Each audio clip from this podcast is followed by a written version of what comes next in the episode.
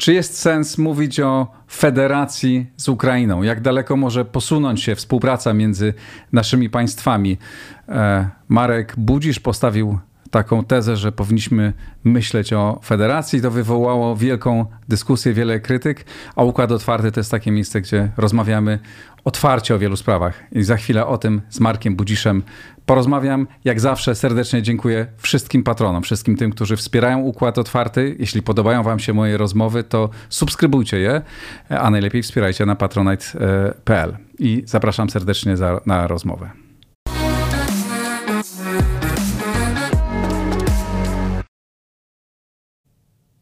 Marek Budzisz, zapowiadany, Strategy Future, witaj serdecznie. Dzień dobry, witam. No to o co chodzi z tym, z tym federacyjnym państwem? To taka idea, taki daleki kierunek, czy coś bardzo realistycznego, o czym powinniśmy myśleć w ten sposób? Ja w ogóle e, napisałem e, o takiej koncepcji w perspektywie dość odległej, bo, bo tam wprost mówiłem, że może za 10 lat, a może za, za, za, za, za dłuższy czas, wskazując raczej na pewne problemy o charakterze geostrategicznym, na zmianę sytuacji geostrategicznej Polski, bo ta zmiana jest fundamentalna, tu, tu się nie boję tego słowa, nawet historyczna. Wojna zmieniła wszystko również naszą przyszłość. Na to, na to warto zwrócić uwagę, bo mam świadomość, czy mam takie poczucie, że nie wszyscy sobie z tego jeszcze zdają sprawę. A to zmusza, czy powinno zmusić e, polską opinię publiczną do poważnej refleksji na temat zagrożeń, przed którymi stoimy, na temat nowej sytuacji, ale przede wszystkim na temat ewentualnych rozwiązań, czy, czy dróg wyjścia z tej sytuacji. I tu nie ma znaczenia, jak nazwiemy jakąś formułę przyszłości, czy, czy nazwiemy ją federacją, czy nazwiemy ją bardzo bliską i pogłębioną współpracą między Polską a Ukrainą, to jest w gruncie rzeczy bez znaczenia, dlatego że problemem, który jest moim zdaniem najważniejszy, i to jest problem dla, dla całego pokolenia Polaków, to jest problem, jak wyjść z tej nowej sytuacji geostrategicznej, która jest potencjalnie dla nas groźna. Ja bym chciał Ale o tym jest rozmawiać. też szansą. Jak zawsze. Znaczy jest i szansą, i zagrożeniem. No tak jak ojcowie założyciele Unii Europejskiej w roku 50, czyli 5 lat po strasznej wojnie, pisali swój manifest proponując powstanie jakiejś wspólnoty narodów europejskich, no to też działali w sytuacji, kiedy było i zagrożenie powrotu do starych czasów, i była szansa stworzenia jakiejś nowej, nowej formuły. Oni mieli pewną intelektualną odwagę myślę, że stawiać trudne wyzwania wówczas. Ja uważam, że my powinniśmy mieć intelektualną odwagę, my jako Polacy, stawiać trudne kwestie i szukać ich rozwiązań. Ja myślę, że tą emocję wywołało samo słowo federacja e, i, i e, to, to, co ma być na samym końcu. Bo tak naprawdę kierunek, ten kierunek to już polskie państwo obrało w ciągu ostatnich tygodni i wcale nie wywołało to wielu kontrowersji i prezydent e, e, na Ukrainie, i spotkanie między dwoma rządami, i bardzo intensywne prace nad przyszłym traktatem e, polsko-ukraińskim, o którym słyszę, że w założeniu ma być dużo głębszy i bardziej wiążący oba państwa niż traktat elizejski. To jest, przypomnę, traktat, który podpisały na początku lat, na 63 roku bodajże Francja i, i Niemcy o bardzo bliskiej współpracy na wielu poziomach. Tu jest mowa o tym, że to ma być ma, ma, ma, iść dalej, czyli tak naprawdę to jest krok, to są kroki poważne w tamtym kierunku. No, tym bardziej zdziwiła mnie ta dość taka alarmistyczna reakcja części moich oponentów, bo w istocie jest tak, jak, jak mówisz, to znaczy my już poczyniliśmy znaczące kroki. Znaczy od 24 lutego jesteśmy w zupełnie innej sytuacji. Nie tylko dlatego, że Putin zaatakował Ukrainę i rozpoczął największą wojnę lądową w Europie po II wojnie światowej, ale również dlatego, że polskie państwo zajęło określone stanowisko, wykonało cały szereg ruchów i to niebagatelnych, więc w tym sensie to też powoduje, że jesteśmy już w nowej sytuacji geostrategicznej, a ja mam wrażenie, że moi oponenci tego nie zauważyli. albo nie zdają sobie sprawy z tego faktu i odwołują się do jakichś kategorii, które były aktualne jeszcze rok czy dwa lata temu, a niektórzy wręcz do takich, które były aktualne 80 lat temu. To, to już jest zupełny anachronizm. My musimy oceniać sytuację tak, jak ona dzisiaj wygląda i, i na tej podstawie budować strategię przyszłości. No dobrze, to porozmawiajmy o tym, jak by ta współpraca stopniowo mogłaby się pogląda, e, pogłębiać, jakie są szanse, ale też jakie zagrożenia e, z tym związane. No bo po pierwsze, mówimy o, pa o państwie, które jest w stanie wojny i nie wiemy, w jakim stanie wyjdzie z tej wojny. E, jedne, jednego jesteśmy pewni, że jeśli wyjdzie z tej wojny, no to wyjdzie jako państwo niesamowicie osłabione. Państwo zrujnowane właściwie na każdym, na każdym poziomie. I, e, I państwo, które pewnie jeszcze długo będzie poza Unią Europejską. E, bo chociaż otwarte zostały drzwi, no to tak bardzo, bardzo symboliczne i pewnie nieprędko się w pełni, e, w pełni otworzą. Na ile Twoim zdaniem współpraca z tak osłabionym i zagrożonym dalszymi atakami państwem może być dla nas korzystna, a gdzie są realne zagrożenia? Zagrożeń jak zawsze jest, jest sporo, natomiast ja odwrócę to pytanie. Mhm. A jaką mamy inną możliwość? Jaką mamy inną drogę? Bo te wszystkie elementy, o których wspomniałeś, to, to jest jakby to jest słuszny opis, czy prawidłowy opis sytuacji, tylko kwestia jest zasadnicza, czy z perspektywy interesów Polski, bo ja się kieruję w moim rozumowaniu interesami Polski tak, jak ja je rozumiem i interpretuję, czy państwo tej wielkości, zniszczone, zdegradowane y, y, gospodarczo i cywilizacyjnie, potencjalnie niestabilne politycznie i nadal zagrożone rosyjską agresją, czy ono jest w interesie Polski, a mianowicie czy możemy odwrócić się od problemu, który umownie nazwijmy Ukraina, tak jak on dzisiaj, y, tak jak to państwo dzisiaj wygląda. No w interesie Polski, w moim odczuciu, nie jest unikanie zaangażowania, bo to nam grozi sytuacją e, e, e, utrzymania trwale zdestabilizowanego państwa na polskich granicach, co będzie oddziaływało na Polskę w sposób niebudzący wątpliwości we wszystkich możliwych obszarach. Ale możemy sobie wyobrazić sytuację, w której nie angażujemy się tak bardzo, angażują się różni gracze zachodni, My jesteśmy jednym z nich, ale nie, nie jakoś tak mocno wybijającym się do przodu, i w związku z tym nie ponosimy tych wszystkich ryzyk, które wiążą się z tak mocnym związaniem, zwią związaniem z bardzo osłabionym i narażonym na taki partnerem. My ryzyka i tak już ponosimy, a nieangażowanie się oznacza tylko, że ewentualnych korzyści z tej współpracy nie będziemy czerpać. Ryzyka i tak już ponosimy, bo one są pochodną dwóch elementów. Po pierwsze, te cztery miesiące wojny na Ukrainie udowodniły jedną kluczową i niezwykle istotną rzecz, jeśli chodzi o sytuację geostrategiczną w naszej części Europy. Mianowicie Rosjanie nie są w stanie opanować Ukrainy, jeżeli Polska nie jest zneutralizowana w ten czy w inny sposób, politycznie, wojskowo, e, czy, e, czy jakkolwiek, jakkolwiek inaczej bo to udowodniły te cztery miesiące. Gdyby Polska zaczęła uprawiać politykę taką jak na przykład rząd Viktora Orbana na Węgrzech, nie będąc hubem komunikacyjnym, nie przyjmując migrantów, nie dostarczając broni i wszelakiej pomocy, to najprawdopodobniej siła i skala oporu Ukrainy byłaby zupełnie, zupełnie inna i nie, niewykluczone, że ta wojna by się już skończyła na niekorzyść, na niekorzyść Ukrainy. No chyba, żeby ten hub powstał nie wiem, w Rumunii. No, ale nie ma takiej możliwości. No, tak są rozłożone linie komunikacyjne. E, z Rumunii na Ukrainę prowadzi jedna trasa kolejowa, dwie kolejne e, są przez Naddniestrze i ta trasa kolejowa prowadzi przez e, jeden, jedyny most nad limanem Dniestru, który został przez Rosjan zbombardowany właśnie po to, żeby, żeby Ukraina nie mogła swojego zboża wysyłać przez port w Konstancy i dalej w bułgarskiej Warnie.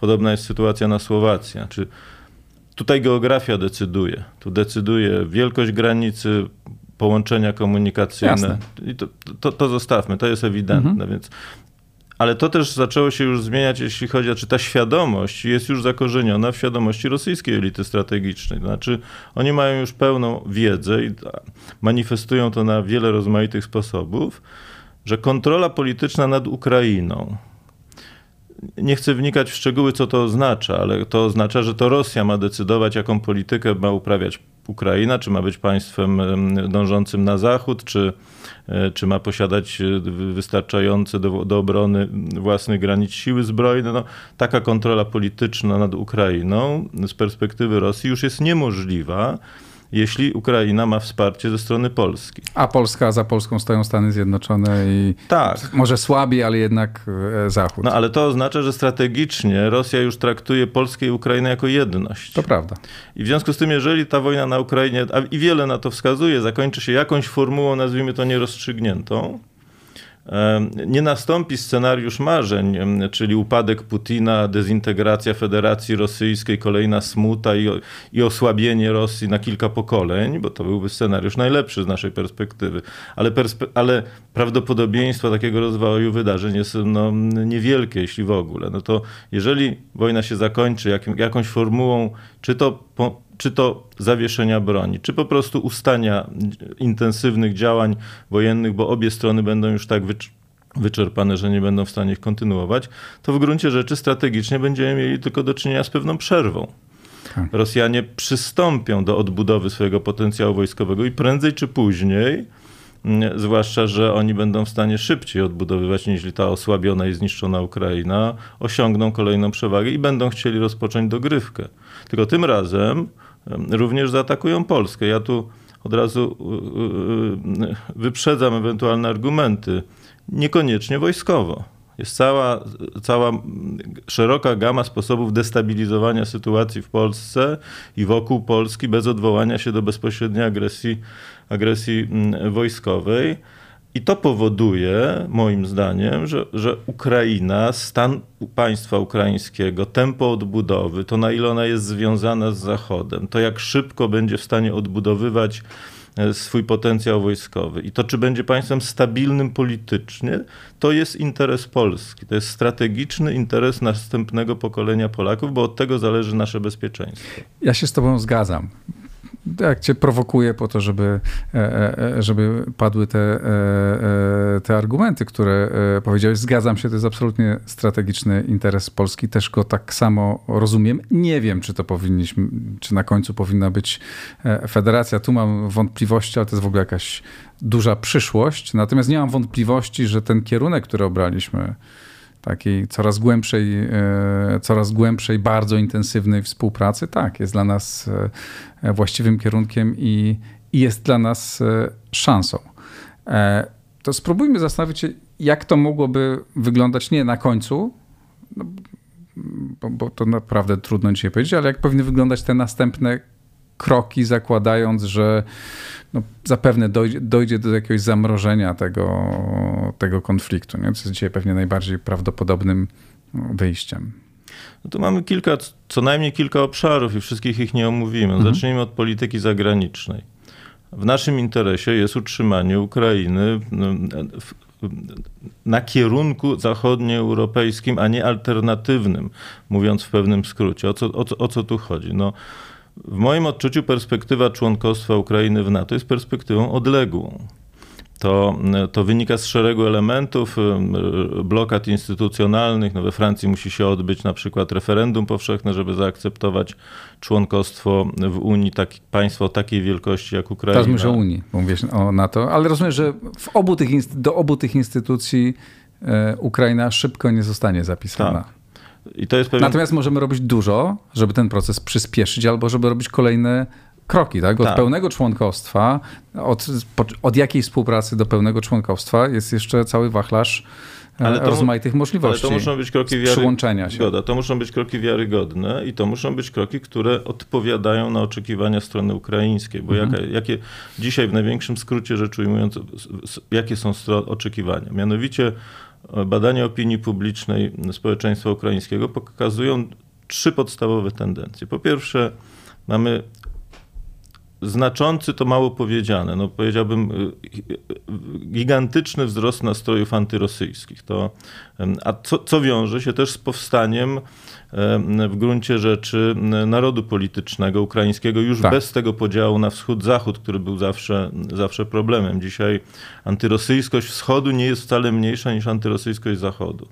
To jest jakby pierwszy element. Drugi element, z tym jest związane przekonanie, podzielane właściwie przez wszystkich, że Ukraina walczy w imię europejskich wartości. Walczy i jest tym e, tą forpocztą Zachodu na wschodzie, tak? Walczy z tą, z tą wschodnią barbarią, jak to nieraz, nieraz się, się mówi. I trzecie, co się łączy z tym drugim przekonaniem, że Ukraina w ciągu pięciu lat, to już najwięksi pesymiści uważają, znajdzie się w Unii, w Unii Europejskiej.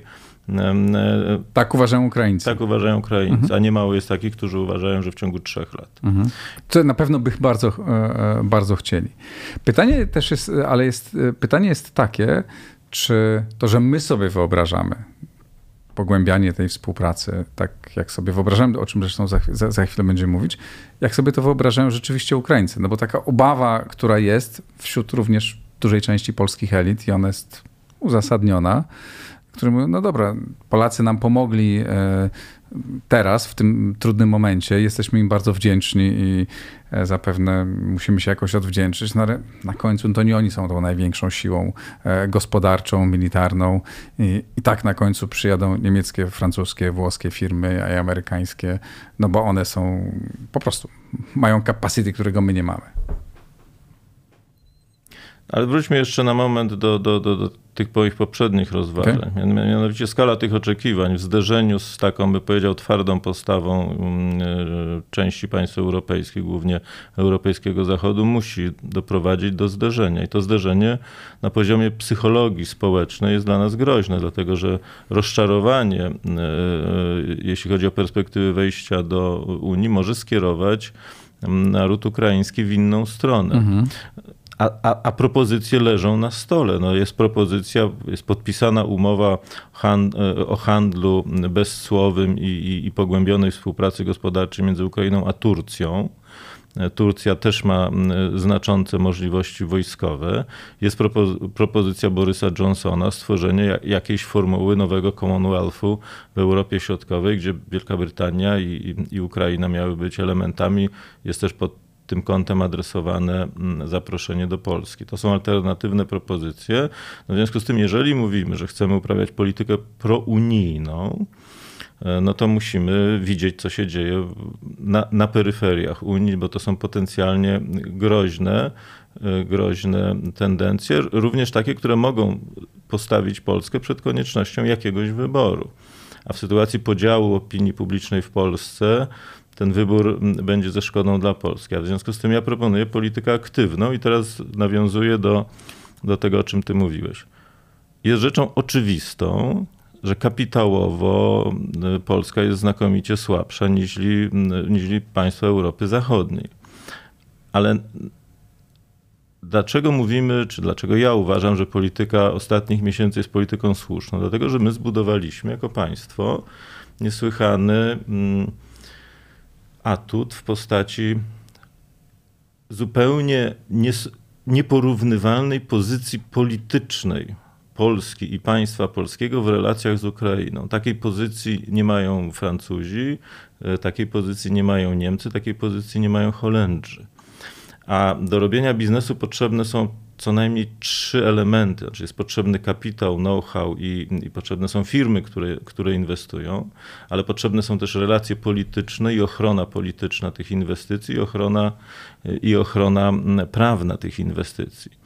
I o ile my nie mamy kapitału, chociaż ja bym tu nie był taki, taki zupełnie bym nie lekceważył naszych możliwości, to mamy kapitał polityczny, a to oznacza, że to Polacy powinni, w moim rozumieniu, być tymi przewodnikami dla kapitału zachodnioeuropejskiego, po to, żeby odbudowywać e, Ukrainę. Tak to tu pełna zgoda. Tak Pytanie, czy obecny wyobrażam. nasz rząd w ten sposób myśli, że właśnie, bo w retory, że retorycznie to będzie przede wszystkim walka o nasze firmy, co jest bardzo słuszne i tak być, e, tak być powinno, ale żeby to naprawdę się udało, to uważam, że to powinny być konsorcja, które byłyby, powinny być przewodzone przez polskie firmy i Polska powinna im dawać parasol, e, zapewniać parasol polityczny na Ukrainę. I my takie firmy mamy. To nie, nie lekceważmy naszych możliwości. Nie, mamy duże firmy budujące drogi, mamy duże firmy budujące linie kolejowe, mamy duże firmy budujące e, e, no mamy też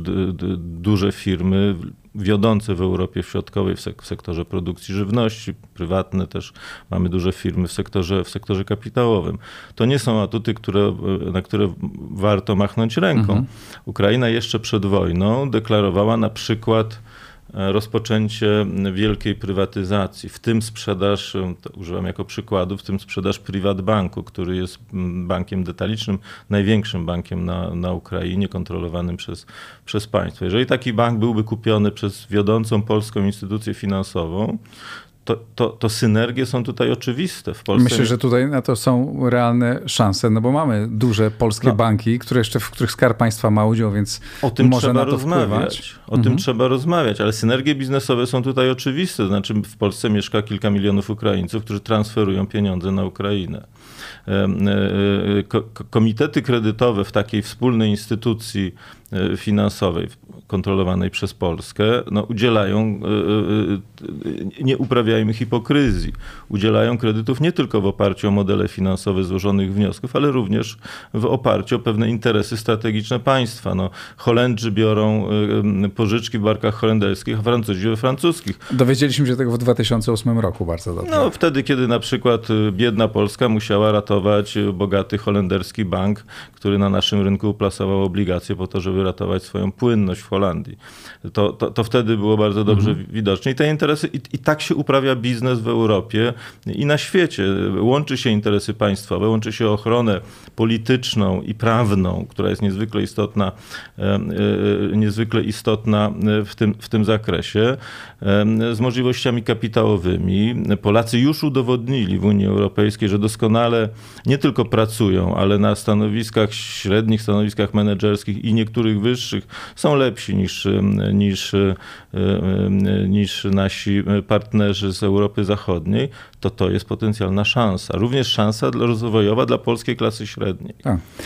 Ta, ta część na pewno. Pytanie, jak, jak powinna następować ta stopniowa, nie powiedziałbym jeszcze integracja, ale pogłębiona współpraca instytucjonalno polityczna, bo rozumiem, że nad tym tak naprawdę już zaczynają się e, prace e, w Warszawie i, i w Kijowie. Z tego co wiem, w wielu miejscach w rządzie trwają intensywne przygotowania e, i w ośrodkach doradczych do, do tego, co ma być w tym traktacie na końcu, który tak wspomniałem, ma być takim no, no, traktatem, jakiego nie mieliśmy do tej pory z Zwróćmy państwem. uwagę na co, o czym mówi strona ukraińska, to też jest jakaś, jakaś, jakieś pokazanie intencji. Strona ukraińska mówi, że granicy między Polską a Ukrainą w gruncie rzeczy powinno nie być. Tak. To jest oczywiście trudne, tak długo, jak długo e, Ukraina jest e, poza Unią Europejską. No tak, ale ale, ale to jest jakieś zadanie. Nie twierdzę, tak. że to jest nierozwiązane. A zrobić można bardzo dużo. Zbudować tak. następne przejścia, uprościć, uprościć można e, zrobić procedurę. wspólną kontrolę tak. chociażby. Czego e, długo Ukraińcy nie chcieli, bo nie chcieli ci, którzy, e, którzy pilnowali interesów, ci, którzy, tych, których na tej granicy zarobili. Podobno to się zmieniło. Strona ukraińska mówi, że pierwszym krokiem, który trzeba podjąć po wygranej wojnie, czy, czy, czy po zakończonej wojnie, to jest odbudowa armii. To jest odbudowa również potencjału przemysłowego pracującego na rzecz tej armii. Nawet e, prezydent Zełenski mówi o tym, nie tylko on, szef Rady Bezpieczeństwa i Obrony Daniłow też mówi podobnie, że Ukraina powinna stać się Izraelem Wschodu, mając na myśli system powszechnej obrony i, i sprawną armię. To też jest w naszym interesie, żeby te wysiłki skoordynować. Wicepremier Stefani Szyna była w Polsce i rozmawiała o przeniesieniu części firm ukraińskiego sektora zbrojeniowego do Polski, które powinny pracować w Polsce ze względu na to, co się określa mianem strategicznej głębi, tak, to one są poza zasięgiem e, rosyjskich rakiet w Polsce, ale to też jest w interesie e, Polski, bo ukraiński sektor zbrojeniowy w niektórych obszarach, na przykład rakietowym, jest lepiej rozwinięty niż polski sektor zbrojeniowy. To nie jest tylko je, ruch w jedną stronę. Tu my też możemy, e, możemy skorzystać. No, mamy... No, zwłaszcza, że w tej chwili mamy do czynienia też z armią no, niezwykle doświadczoną, tak? I z kadrą Oczywiście, nieprawdopodobnie tak. doświadczoną. No, prezydent Zełenski mówi o tym, że Polacy powinni uzyskać prawa takie, jak mają Ukraińcy. Oczywiście on to mówił w kategoriach lustrzanego odbicia tych uprawnień, które Ukraińcy mają w Polsce, ale idźmy krok dalej. Co to, bo to jest bardzo, pyta, to jest bardzo ciekawe. Ja, ja pytałem, jak usłyszałem o tym pierwszy raz, nie przywiązałem do tego wagi, ale potem zacząłem się zastanawiać, co to oznacza. To może oznaczać to, że na przykład Polacy mogą kupować ziemię na, e, przykład, na Ukrainie. A, znaczy, to jeszcze te, nie oznacza tego na Ukrainie. Ale być może. Ale być może powinniśmy iść w tę stronę. Mhm. To być może powinno oznaczać postawienie kwestii pewnej uznawania na przykład jurysdykcji pol polskich sądów dla pewnych spraw, na przykład w zakresie obrotu gospodarczego na Ukrainie. E, polscy biznesmeni od lat mówią, że nie inwestują na Ukrainie, bo boją się tamtejszej korupcji w sądach. No to postawmy może w ten sposób, szukajmy jakiegoś wspólnego rozwiązania. Ja na nie... pewno zabezpieczenie e, ubezpieczeniowe, o czym w tej chwili już, e, z tego co wiem, już trwają tak, no, intensywne kupno prace banku jakby to znakomicie ułatwia, bo z tak. systemem, z instytucjami bankowymi najczęściej razem idą instytucje ubezpieczeniowe. Mamy cały system edukacyjny no, e, to też jest e, znaczące osiągnięcie, że myślę, że kilkadziesiąt, jeśli nie kilkaset tysięcy ukraińskich dzieci, które chodzi do szkoły w Polsce, e, te, po tych czterech miesiącach, a niektórzy dłużej, no, wyjadą z Polski ze znajomością języka polskiego choćby na poziomie komunikacyjnym, ale to już jest coś, to już jest jakiś atut, bo, bo, bo, bo, takiego atutu nie mają Francuzi, czy nie mają też Niemcy. Pytanie, które przy tym, e, w tym momencie się rodzi, czy ci ludzie wyjadą, dlatego że to jest naturalne, wyjechali na chwilę, prawda? E, często Polacy wyjeżdżając do Londynu też wyjechali na krótko, żeby popracować, przywieźć tam parę tysięcy czy paręnaście tysięcy funtów, ale mieszkają coraz dłużej, kupują pierwsze mieszkanie, dostają lepsze prace, tak jak, jak te kobiety, bo akurat dzisiaj są w większości kobiety, ale do nich wrócą mężowie, którzy zakładając, że, że wojna się skończy i będą decydować takie bardzo, e, ta emocja wojenna opadnie, a będą decydować bardzo przyziemne, e, przyziemne czynniki. No, ktoś ma pracę tak. tutaj w Polsce, gdzie zarabi pięć razy lepiej niż na biednej Ukrainie zniszczonej po wojnie. już zapuścił korzenie. A tu już jest jego żona i dzieci, prawda? To dziecko już chodzi do szkoły w zasadzie, no jest tu wiadomo, wygodniej, lepiej i tak dalej. Więc ja się spodziewam, że e, duża część z tej emigracji, emigracji najnowszej pozostanie w Polsce. I ja się tego też spodziewam i to są też źródła potencjalnych napięć, również wewnątrz, wewnątrz Polski, ale to jest pewien zespół czy blok zagadnień, który powinniśmy e, które powinniśmy dostrzegać i przygotowywać jakąś politykę w tym zakresie. Ja nie precyzuję jaką, bo ja nie, nie wiem wszystkiego i nie jestem ekspertem od wszystkiego, ja tylko opisuję pewien generalny obraz. Co poza tym mówi strona ukraińska? Strona ukraińska mówi, że jeżeli chce, pod własnym adresem, przecież nie pod adresem Polski, że jeżeli chcemy wejść do Unii Europejskiej, to musimy zwalczyć korupcję, bo to jest realna przeszkoda, która już w czasie tego procesu przyznawania statusu kandydackiego o mały włos nie doprowadziła do wywrócenia całej, całego, całej procedury, bo Dania i Szwecja były prze, przeciwne temu właśnie z powodu korupcji. No to w tym sensie Ukrainie też trzeba pomóc w tym zakresie. Z tym się też wiąże deoligarchizacja z tym się wiąże rozbudowa infrastruktury, w tym też y, koncepcja, która się pojawiła na Ukrainie, żeby zmienić rozstaw torów na całej Ukrainie. To jest z punktu widzenia polskich interesów inwestycyjnych, komunikacyjnych, gospodarczych niesłychanie ważne, ważne przedsięwzięcie. Prezydent Zełenski mówił już dwukrotnie, bo pierwszy raz będąc w Polsce jeszcze przed wojną, że trzeba zbudować kolej szybkich, y, szybkich prędkości między Warszawą a Kijowem. Ja myślę, że gdybyśmy tu siedzieli jeszcze godzinę, do tych obszarów byśmy znaleźli więcej, e, bo w każdej dziedzinie są potencjalne synergie. Są oczywiście ryzyka, ale też i, a też i szanse. Problem polega na tym, że my musimy w Polsce zacząć myśleć nie w perspektywie dwóch tygodni, miesiąca czy, czy, czy najbliższych wyborów parlamentarnych, tylko pewnej szansy, szansy rozwojowej dla państwa polskiego. I ja dostrzegając te zagrożenia, o których, o których mówiłem na początku, uważam, że prawidłowo poprowadzony politycznie, inwestycyjnie, gospodarczo, kulturowo, cywilizacyjnie proces odbudowy Ukrainy jest wielką szansą pchnięcia rozwoju Polski na nowy etap.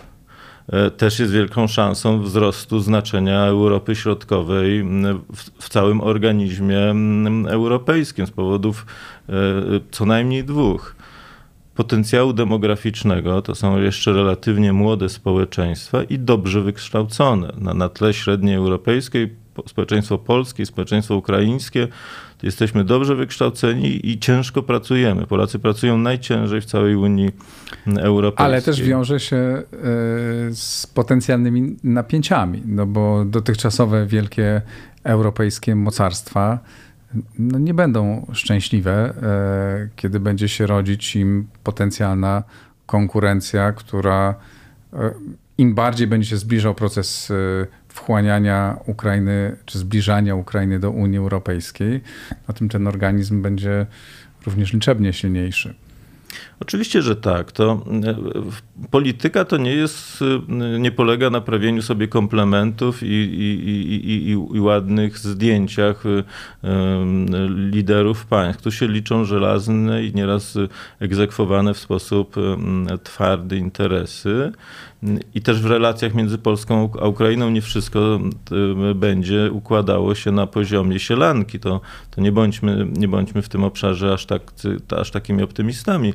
Nie będzie łatwo. Ja mówię tylko o czymś zupełnie innym, a mianowicie musimy jako państwo i jako społeczeństwo dostrzec po pierwsze skalę wyzwania, które wiąże się z wojną na Ukrainie, po drugie skalę wyzwania, które, która wiąże się z ewentualnymi skutkami tej wojny na Ukrainie, bo jej zakończenie być może uruchomi kolejne procesy. Tu mam na myśli Białoruś, tylko sygnalizując e, tę, tę kwestię. Musimy się przygotować na zagrożenie, które nie, nie zniknie ze strony Rosji, ale jednocześnie musimy na to patrzeć jako na E, e, jako na wielką szansę rozwojową również dla Polski. Ale musimy też, e, wydaje mi się, umieć patrzeć w ten sposób, żeby zdając sobie sprawę z napięć, które może to budować na, na Zachodzie, w Niemczech, Francji, tak prowadzić tę politykę, żeby również czynić ich zainteresowanym w tym procesie, prawda? Bo Ale tak... inaczej się nie da.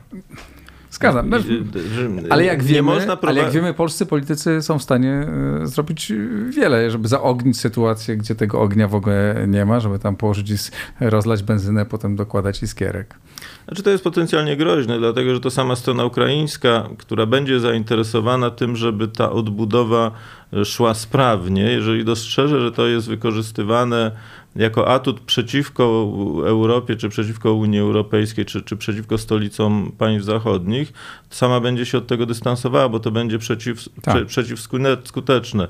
To, co my możemy zrobić dzisiaj, to możemy wykorzystując to, to niesłychane zbliżenie na poziomie politycznym, strategicznym, społecznym również, emocjonalnym, emocjonalnym wykorzystać to, ale będąc takimi katalizatorami pozytywnych procesów to jest, powiedziałbym, mm, zdolność do, do inicjatywy, do nadania pewnego tonu, również i debacie wewnątrzunijnej, we, w takim ujęciu to, to, to, może się, to może się ziścić. No, też nie możemy ignorować faktów, że wie, wiele, a może nawet większość mm, polskiego PKB jest tworzone przez firmy, które są kontrolowane przez kapitał zagraniczny. W związku z tym. I to się nie zmieni. I to się pewnie nie zmieni, ale ten kapitał zagraniczny wchodząc na nowe rynki w większej skali, też potrzebuje ludzi. Ale I będzie brał ludzi bliskich kulturowo. I tak, tak to, samo tak ten kapitał wygląda. będzie potrzebuje przestrzeni do, dalszej, e, e, do dalszych inwestycji, do dalszych e, ekspansji. Jeśli będziemy prowadzić tę politykę mądrzej,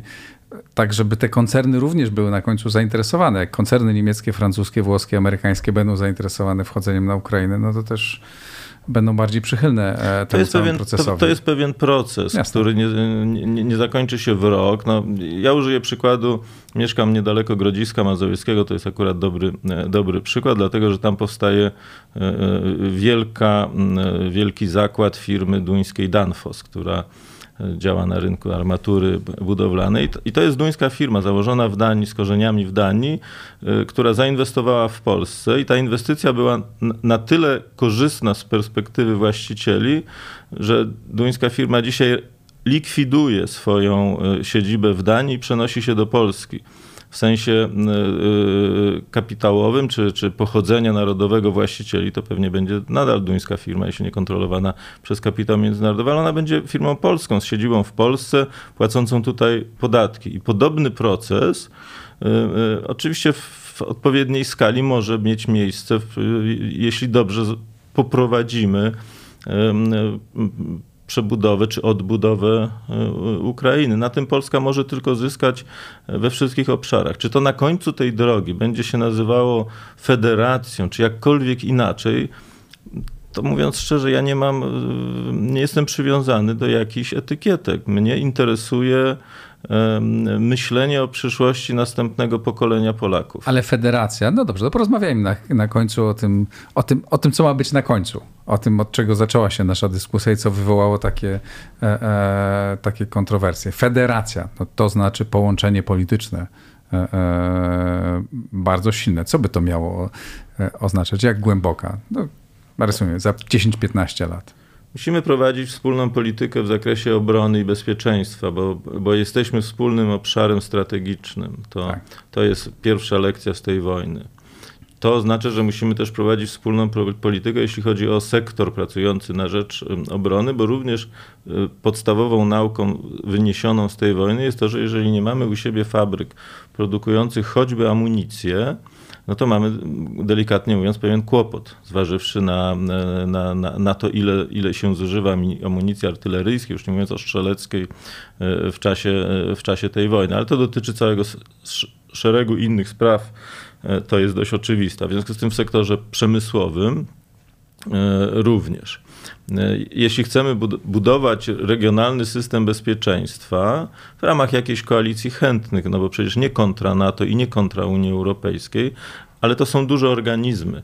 W, tych, w ramach tych organizmów działają koalicje chętnych i to jest, to jest przecież akceptowalne, różne formaty. My też działamy w formacie na przykład bukaresztańskiej dziewiątki, która przecież nie jest alternatywą wobec NATO, a wręcz przeciwnie jest, jest przyjmowana y, z, z, jako coś uzupełniającego. Sam, sam, format Rammstein, które, któremu do, przy, przewodniczą Amerykanie, ten format pomocy wojskowej dla Ukrainy, no też y, y, ma na celu usprawnienie pewnego działania. Więc ja myślę o takim formacie bezpieczeństwa, ale budowanie tego, a tu przynajmniej wchodzą w w skład potencjalnej koalicji tego rodzaju Polska, Rumunia, państwa bałtyckie, niewykluczone również, że Skandynawowie, czyli państwa wschodniej flanki NATO, no nakazuje bliską współpracę na poziomie polityki zagranicznej.